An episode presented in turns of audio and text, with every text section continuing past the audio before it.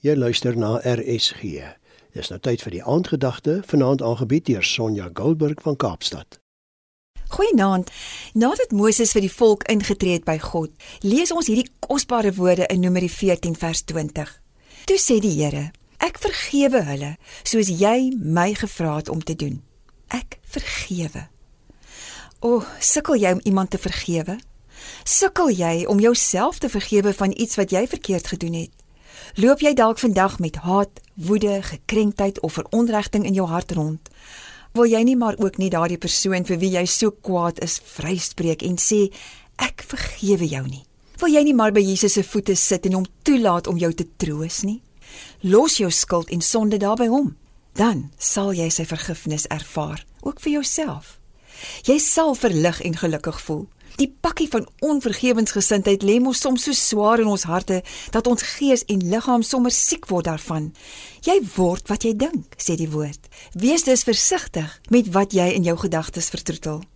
Ek wonder hoe dit vir Josef en Maria moes wees om te hoor hulle moes nou na Egipte toe vlug omdat die koning hulle babatjie wou doodmaak. Ek lees nêrens dat hulle haat en woede gehad het vir die ongerief in hulle lewens nie. Net bloot dat hulle God gehoorsaam het en dadelik gedoen het wat hy vra. Dit lyk trouens asof gevoelens soos haat en onvergewensgesindheid nie eens deel van hulle woordeskat was nie.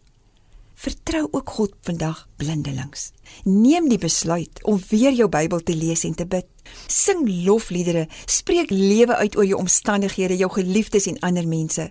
Vergewe vinnig en gou want dis eers dan wat jy in God se heerlikheid kan leef. God wil so graag hê ons moet almal die beloofde land binnegaan. Ons kan dit egter net doen as ons Jesus Christus se vryspraak aanvaar het en hom in ons harte ingenooi het. As jy vol is van Jesus, dan wil jy nie meer vir ander kwaad wees en met wrokkige gedagtes rondloop nie. Dit steel mos net jou eie vreugde en vrede. Sak nou op jou knieë, gee jou hart opnuut vir Jesus en vra hom om jou gedagtes te vernuwe. Jou gebede maak vir God saak. Hy sien jou raak. God se belofte van Johannes 1 vers 12 dat hy almal wat hom aangeneem het mag gegee het om sy kinders genoem te mag word, staan vas. Halleluja. Hemel Vader, baie dankie vir u vergifnis vir my sonde. Dankie dat ek Jesus in my hart kan innooi en dat ek daarom eendag deel mag hê in u hemelse paradys. Ek loof en prys u naam daarvoor. Amen.